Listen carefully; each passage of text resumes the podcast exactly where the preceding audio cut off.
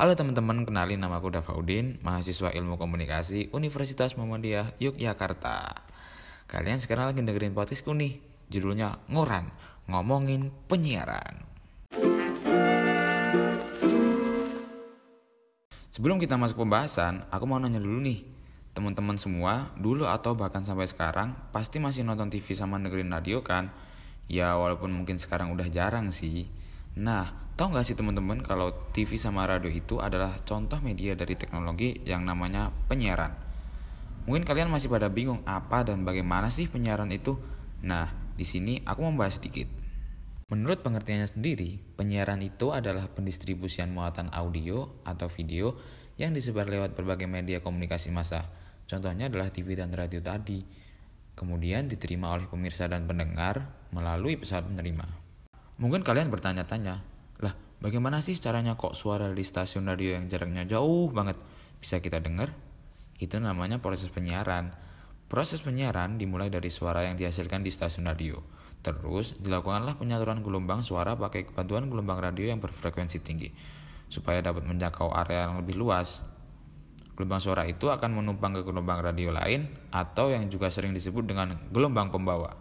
Setelah itu, terjadilah pengubahan komponen gelombang pembawa yang disesuaikan dengan pola gelombang suaranya. Inilah yang disebut dengan modulasi. Gelombang suara yang sudah mengalami penyesuaian oleh pemancar radio, kemudian disalurkan ke perangkat radio yang kita punya. Tugas perangkat radio cuma mengambil komponen gelombang suaranya aja, serta memainkannya sehingga dapat terdengar oleh telinga kita. Nah gitu teman-teman garis besarnya gimana suara radio bisa kita dengar. Terus, pas kalian dengerin radio, pasti pernah dong lihat tulisan AM dan FM. Nah, apalagi sih itu? AM dan FM pada radio nunjukin cara radio nangkap sinyal. Pada mode AM atau amplitude modul, tinggi rendahnya gelombang sinyal suara yang diubah.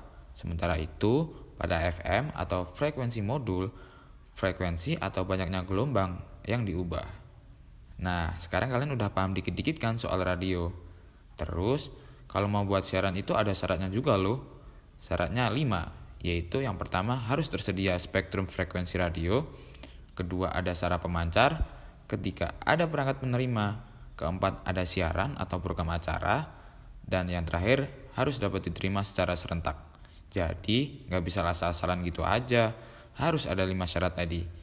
Itu semua tadi kan ngomongin radio, nah kita pindah dikit ke televisi yuk. Kalau di radio tadi ada AM dan FM, di televisi beda lagi nih standar penyiaran yang dipakai. Ada NTSC, PAL, maupun SICAM. NTSC yang digunakan di Amerika Serikat, Kanada, Jepang, Korea, Meksiko memakai sinyal 525 line yang ditransmisikan pada 30 fps. Kemudian PAL, Phase Alternating by Line yang digunakan di sebagian Asia, Indonesia, Cina, dan juga Amerika Selatan dan sebagian Eropa memakai sinyal 625 line yang ditransmisikan pada 25 fps. Dan yang terakhir yaitu SICAM digunakan di Prancis, Asia Tengah, dan Afrika. Nah itu teman-teman sedikit pembahasan soal teknologi penyiaran. Ternyata penyiaran itu nggak sekampung yang kita pikirin ya. Oke cukup sekian podcast kali ini. Kalau kalian dengerin kalimat ini berarti kalian dengerin sampai selesai. Terima kasih banyak. Sampai jumpa.